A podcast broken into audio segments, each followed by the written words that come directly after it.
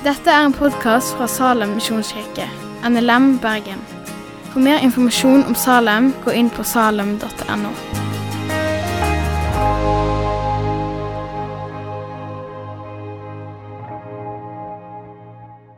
Vi starter semesteret med å faktisk eh, se på eh, et tema som heter 'Vi tror'. Grunnen til det er at veldig mange starter i ny jobb, veldig mange starter i ny klasse, en ny skole kanskje, i det hele tatt bor sammen med nye kollektiv som ikke er kristne. Og så er det det å møte plutselig en hverdag. Kanskje eh, du har vært blant kristne store deler av livet ditt. Familien din har vært kristen, du har vokst opp i en kristen hjem.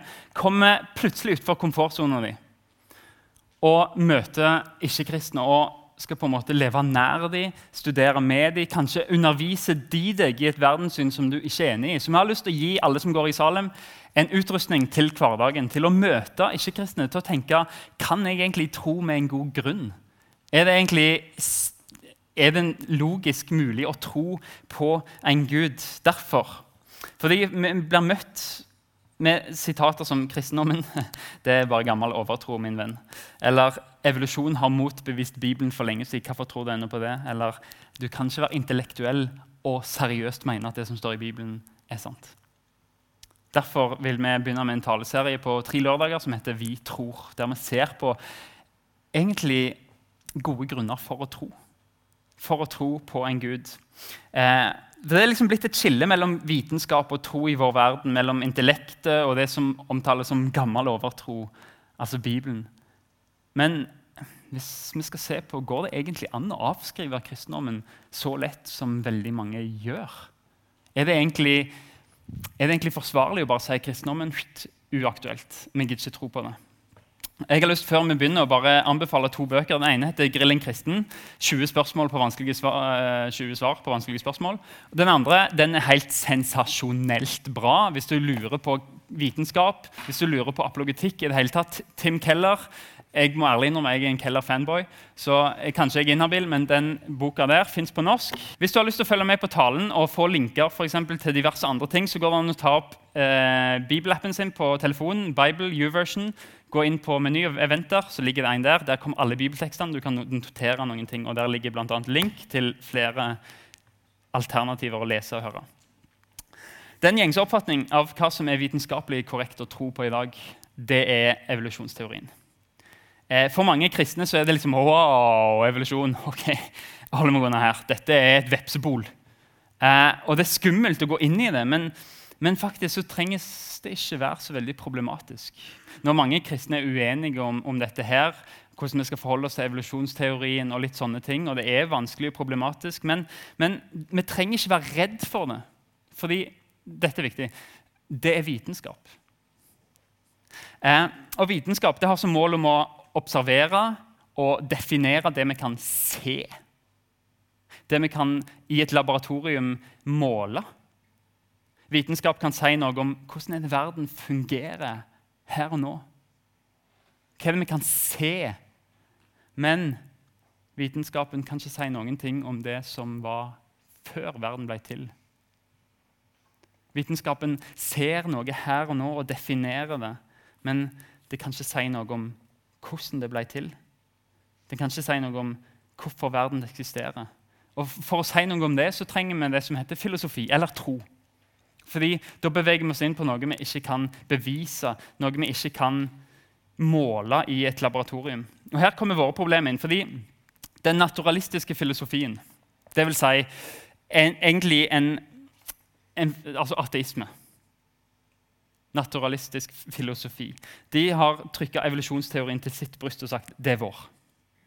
Det er vår teori. Men følg med nå. Og Vi skal ha litt grann sånn uh, mind games først. Uh, bare med, med hodet, så skal vi inn i Bibelen etterpå. Men bare følg med. så skal vi se. Men for det første, tid for noen definisjoner. Evolusjonsteorien. Skal vi se. Sant? Vitenskap. Uh, den går ut på at verden, alt som fins i verden, det stammer fra ei celle. Og så har utvikla seg, Omstendighetene har, har avgjort hvordan har den utvikla seg. og vi, Helt fram til det mangfoldet av liv vi ser i dag. Eh, og Det gjør at alle arter får sine egenskaper som de trenger for å overleve. Veldig sånn kort forklart. Men det er det vi kaller for vitenskap. Okay? Da har vi én plass. Vi legger den her. Og så har vi noe som heter for naturalisme. Det er en filosofisk retning. Faktisk er det en tro. Det er det ikke alle som vil være enig i av ateister. Men, men det går ikke an å bevise den filosofien bak. Du må ta et sprang i tro for å hevde det. Det er troen på at det, det er kun det som er kun det vi ser, som er naturlig. Altså kun Det naturlige. Det fins overhodet ingenting mer enn det vi kan se og bevise. Altså, det finnes ingen Gud. Det finnes ingen plan bak verden, og det finnes ingen overordna vilje. Det er kun det vi ser, som eksisterer. Det vil si at uh, de mener de har bevis for at uh, det ikke fins noe ånder, fordi de ikke kan se det. Men det er en tro på at det ikke finnes. Men for oss kristne så er det ett problem.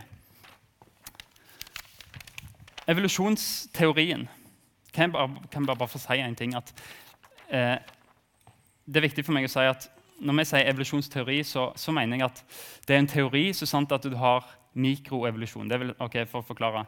En art kan plutselig endre farge fordi at den har en trussel. Og så får han en kamuflasje en annen farge. Den endrer seg en mikroevolusjon av samme arten, men endrer seg litt. Grann. Det fins det bevis for.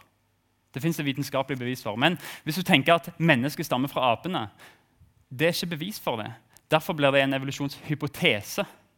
Den er ikke bevis for, men de er snille å kalle den for evolusjonsteorien. Men uansett, det var bare sånn for å være helt sikker på at, for å si helt tydelig at jeg tror Gud har skapt menneskene med sin vilje, men at det fins en utvikling i arter. Men uansett, for oss kristne så har vi ett problem. Det er at uh, denne her teorien kan fint stemme overens med troen på en gud.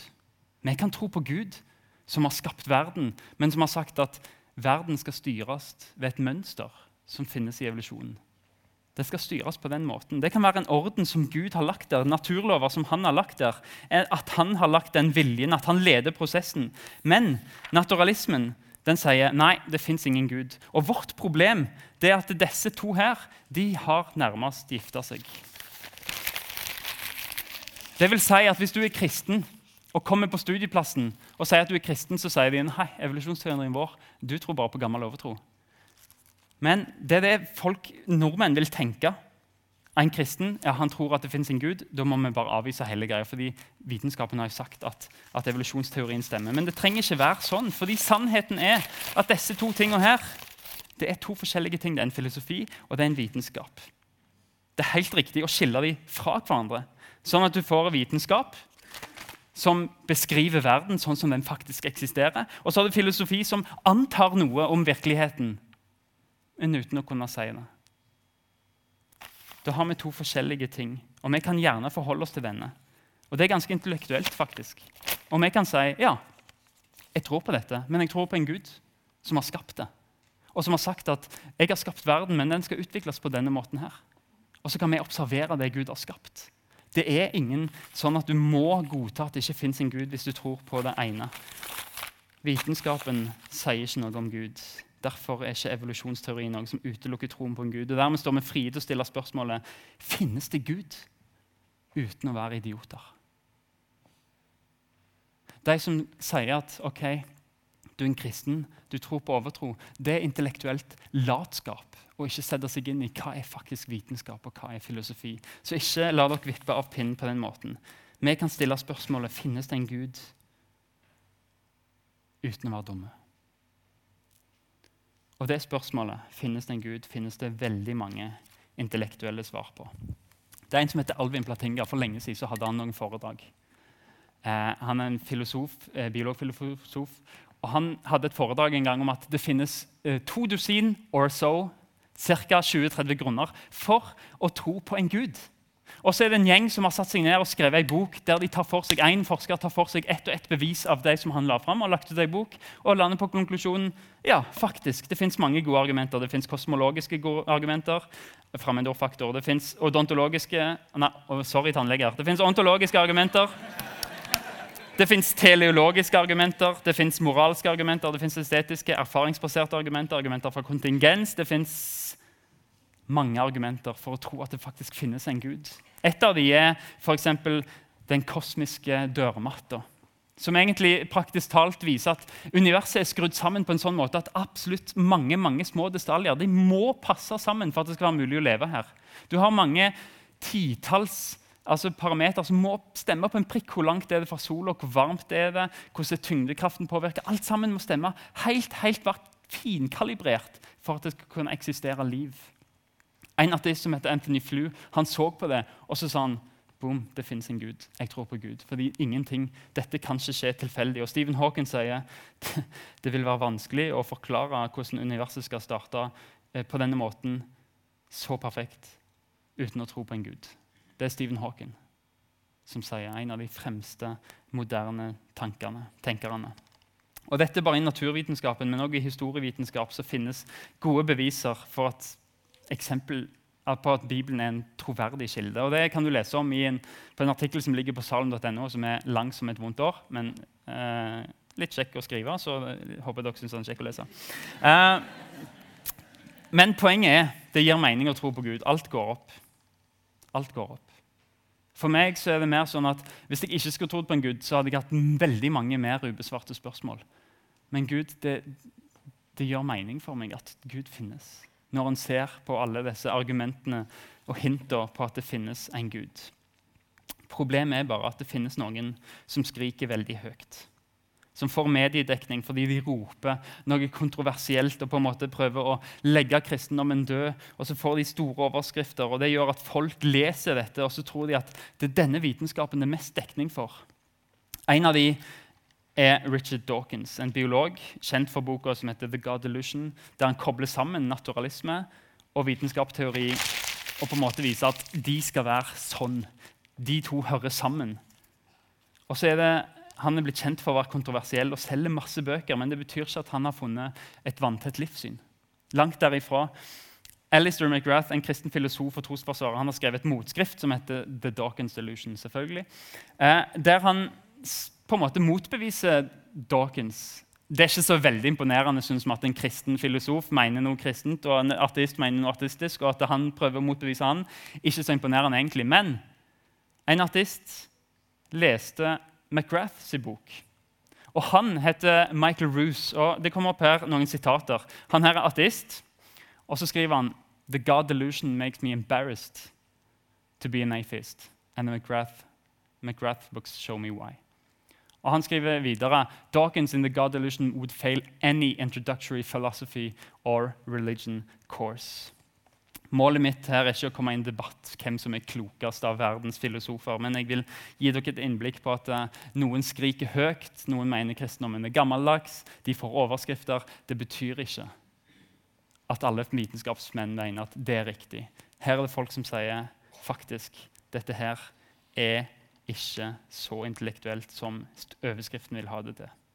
Det går an å tro på en gud, og det går an å være intellektuell. De utelukker ikke hverandre. På samme måte som du ser en Ford, og du ser fabrikken, og så tenker du det fins ingen designer, det fins ingen oppfinner. Det er en Ford, det er en fabrikk. Hva er problemet? Vitenskapen ser på det.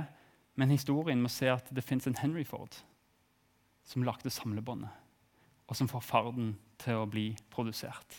Det er Sånn er det med vitenskap og filosofi. Vitenskapen kan se det observante kan observere noe og se det og definere det.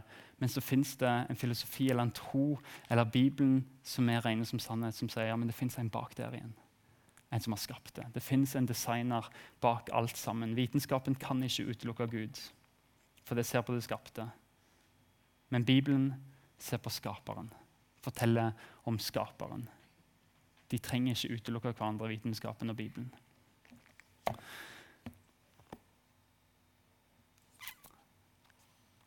Og Hvis en ser på vitenskapens begynnelse, så heter pionerene heter Kepler, Galilei, de heter Newton, de heter Maxwell. De var kristne mennesker som så at universet er rasjonelt. Det fins en orden her. Og så visste de at det fins en Gud som har skapt det, og som har ordna det. Og for å tilbe Gud så bestemte de seg for å se hvordan har han gjort det. Vi vil se hans storhet i skaperverket. Der har du hvor naturvitenskapen kom fra. Og Så skriver Dawkins han sier i boka si The God Illusion sier det er bare 7% av vitenskapsmenn som tror på Gud. Men hvis du prøver å se litt etter den forskningen til han, så ser du at det gjelder i én klubb som heter Hva heter han, da? Jeg har selvfølgelig glemt det. National Academy of Sciences. Det vil si at Han har gått inn i en klubb der det aller fleste er ateister. og Vi vet at mennesker samles, like mennesker samles stort sett. Og så har han spurt hvor mange er kristne her. Hvor mange tror på en gud? 7% ok.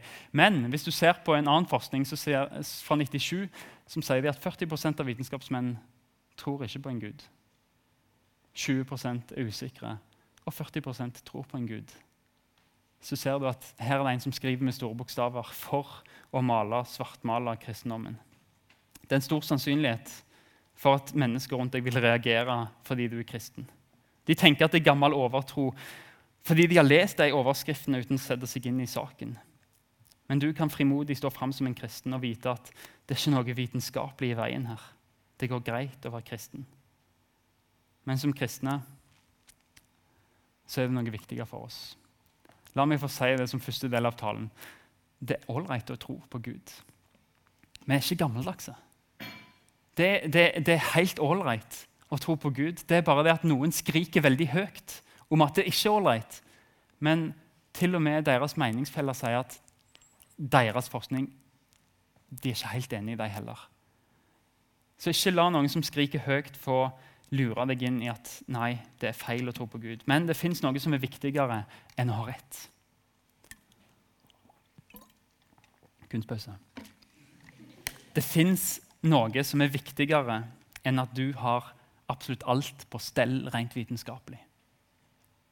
jeg kunne fortsatt å snakke om vitenskap. Jeg liker det veldig godt, men, men jeg har noe som er desto viktigere for meg å formidle. Vi skal lese fra Johannes. Fra Johannes, slutten av Johannes-evangeliet kjenner vi en person som heter Thomas. En som tvilte.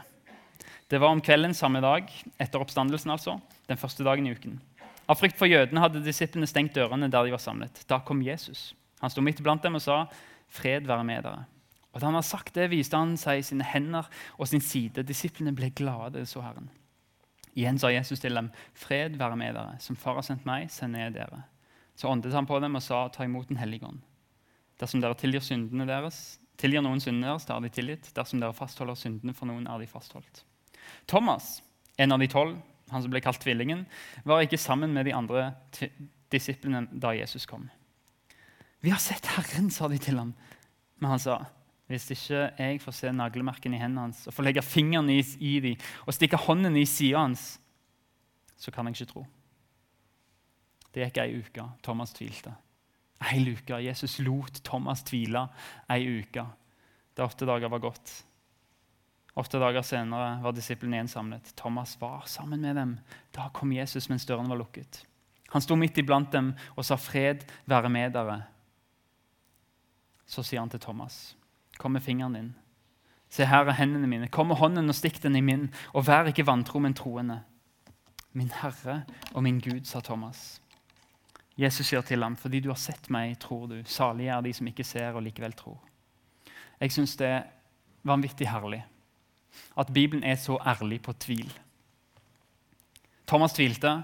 Når Jesus hadde stått opp så, og viste seg for disiplene før han skulle til himmelen, så står det men de elleve disiplene drog til Galilea, til fjellet der Jesus hadde sagt han ville møte dem. Og der de fikk se ham, falt de ned og tilba ham. Men noen tvilte. By the way, hvis du skal finne på en religion, og du har en kjernegjeng som skal liksom være altså klippene i denne religionen, så skriver du ikke at de tvilte. For meg så er det bare et bevis på at Johannes, nei, Matteus skriver jo bare sannheten. Det var det som skjedde. Altså hadde han, Skulle han funnet på en religion som hadde sagt at de var helt skråsikre på at det var Jesus, de fikk kjenne på han, de fikk ta på han, de fikk DNA og alt mulig sånt. Nei, han sa noen tvilte. Det gjør at jeg, jeg, er ganske sikker på at Matteus skriver sannheten. De så Jesus, han var stått opp. Vi tvilte jo på det, til og med. Men vi vet ikke helt hva de tvilte på. Men de hadde tvil. Men hva sier Jesus til disiplene? Er det sånn at Jesus deler det inn i to grupper? Så sier han du, dere som tror, kom her. Eh, bare vær her. Eh, gå ut i verden, gjør disipler. Og så gir han misjonsbefalingen. og sier han gå ut. Og dere som tvilte Jeg tror vi må ta tre år til med bibelskole. Sant? Vi bare bli med meg tre år til. Jesus gjorde ikke det fordi han visste at til og med tvilende kristne er mine disipler. Så sa han gå ut til alle folkeslag, gjør de til mine disipler. I det dere lærer de alt jeg har befalt dere. Ikke det dere tror på nødvendigvis, men det jeg har befalt dere. Jesus sa det samme til de troende og tvilende. Meg er gitt all makt. Gå derfor ut. Ikke at du er så flink til å tro. Nei, jeg har fått all makt. Gå ut. Jeg er med deg. Fordi tvilende kristne har alltid vært en del av kirka. Uansett om du tviler eller ikke, Jesus venta ikke på at de skulle finne ut av tvilen. Han sa nei, bare gå. Du er min. Jeg er med deg. Fordi tvil er en del av den kristne erfaringen. Vi har mange tviler i Salem. Jeg er heldig å få ha sjelesorg med mange, spesielt gutter. Vi gjør det sånn i Salem at jenter prater med, med, jenter og gutter med gutter i, i sjelesorg. Og jeg får prate med noen gutter som får sette ord på tvilen sin. Og jeg har sjøl tvilt. Det er ikke sånn at en kristen aldri tviler. Hvis du tviler, så hører du hjemme i Salem. Du hører hjemme her. Og Hva sier Bibelen om tvil? Du har hele Gamle testamentet, salmene, Jobb, Jeremia, forkynneren. De bare skriker at tvil er veldig greit å snakke om. Tvil er helt ålreit å komme til Gud med. Gud har bakt det masse tvil inn i sitt ord.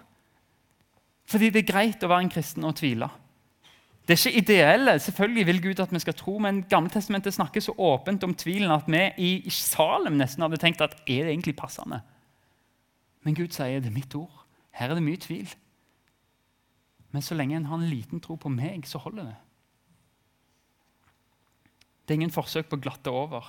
Men Gud oppmuntrer bare sett ord på det. Kjemp med Gud. De våga det i Gamle testamentet, de som skrev der, fordi de visste at Gud er sterk nok til å forsvare seg sjøl. Hvis han er sannheten, så tåler han veldig godt at jeg graver, graver, graver, graver etter sannhet. Fordi til syvende og sist vil jeg finne han, hvis han er sannhet.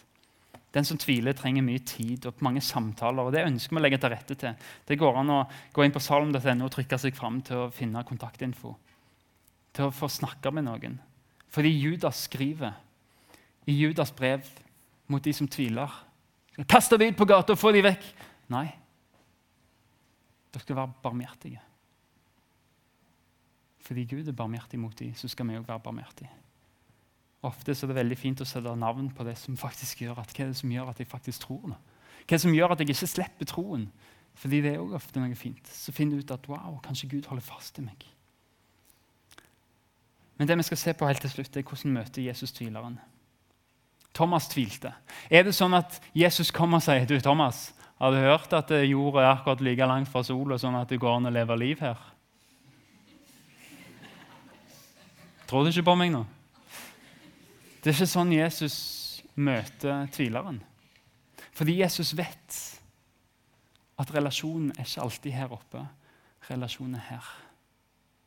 Jesus kunne gitt så mange argumenter at Bibelen kunne blitt fulgt opp til et stort bibliotek som vitner om hvordan DNA er et språk for å føre informasjon videre, for å føre Guds plan videre i skaperverket. De kunne sikkert skrevet uendelig mye ved Den hellige ånds hjelp, men Jesus fant ut nei. Jeg vil til hjertene. Jesus vil ikke overbevise deg intellektuelt. Jesus vil vise deg heller hvor stort han elsker deg. Og så sier Jesus til Thomas som tviler Kom her. Se her. Såret. For når jeg ble korsfesta. For din skyld. Se her er såret når de stakk spydet i sida på meg. For din skyld.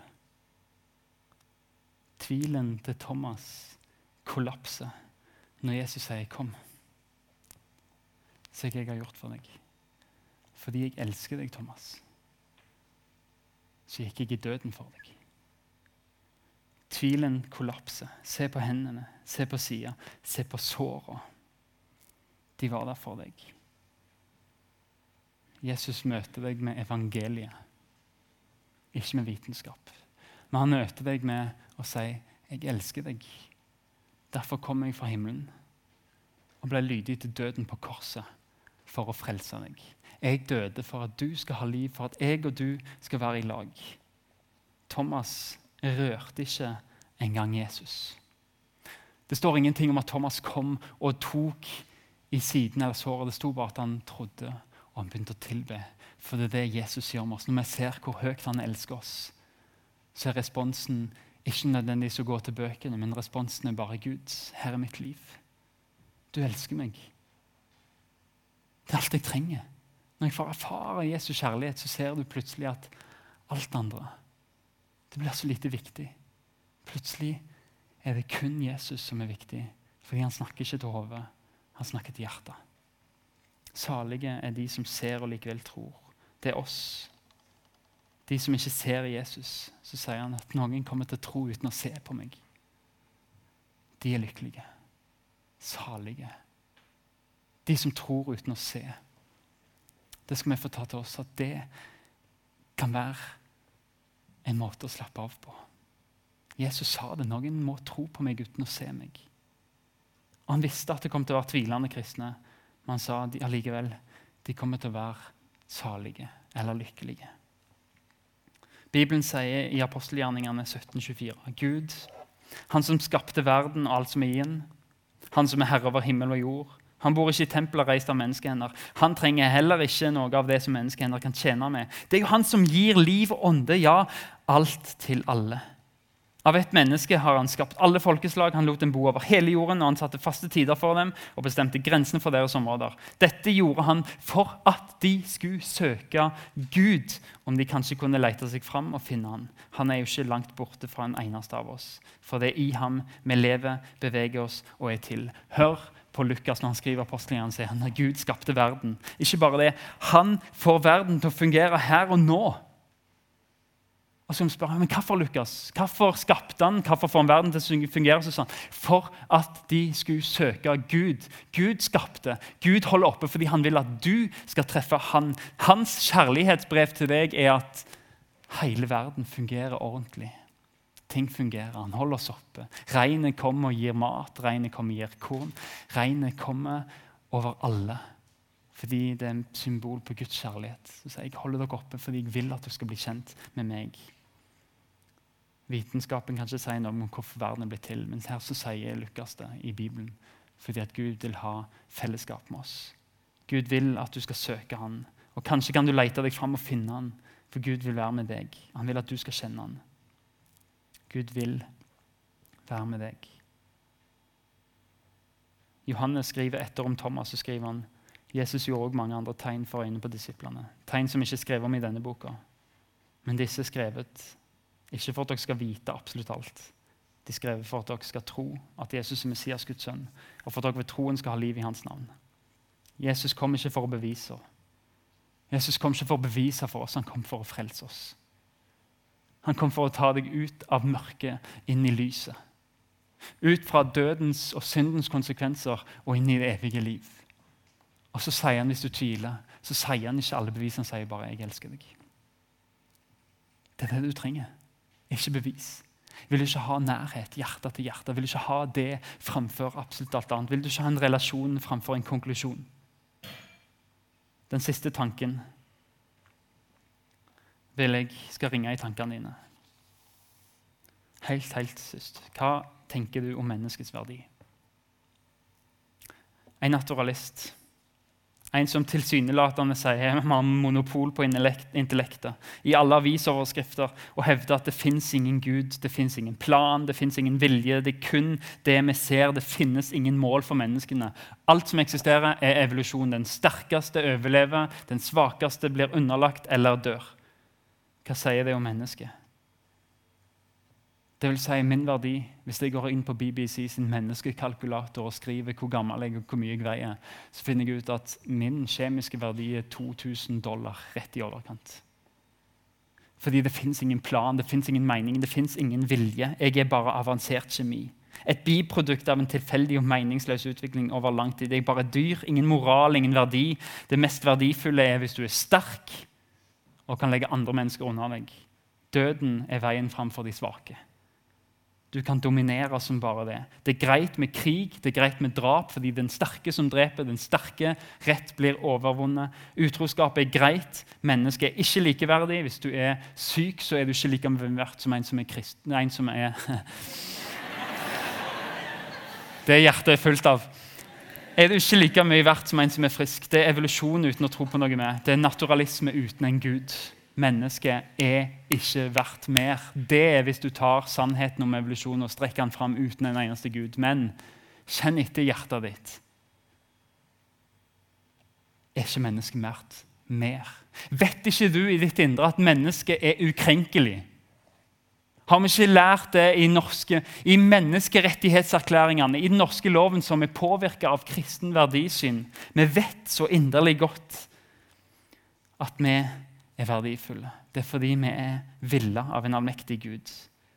En Gud som skapte oss fordi han elsker oss. Skapt i Guds bilde som kroner på skaperverket. Alle er likeverdige, uavhengig av helse, kjønn, rase, status økonomi. Så verdifulle for Gud at han sendte sin sønn til jorda for å dø for vår skyld.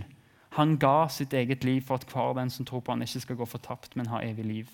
De som tror på hans navn. Klinger det ikke i deg at du er verdifull? Klinger det ikke i deg at de fattige på Afrikas Horn er like mye verdt som deg? At hvem som helst som er syk eller lam eller sitter i rullestol, er like mye verdt som Usain Bolt? Klinger det ikke? Det gir mening at du er verdifull. Og hvis du er verdifull, så er du det fordi det finnes en Gud. Hvis det ikke finnes en Gud, så er du totalt meningsløs. Dette gjør at jeg tenker Bibelen sitt syn, det må stemme. Jeg tror en Gud som elsker, og jeg tror du erfarer det sjøl. Takk for at du har hørt på podkasten fra Salem, Bergen. I Salem vil vi vinne, bevare, utruste og sende, til Guds ære. Vi ønsker å se mennesker finne fellesskap, møte Jesus og bli disippelgjort her i Bergen og i resten av verden. Vil du vite mer om oss, gå inn på salem.no.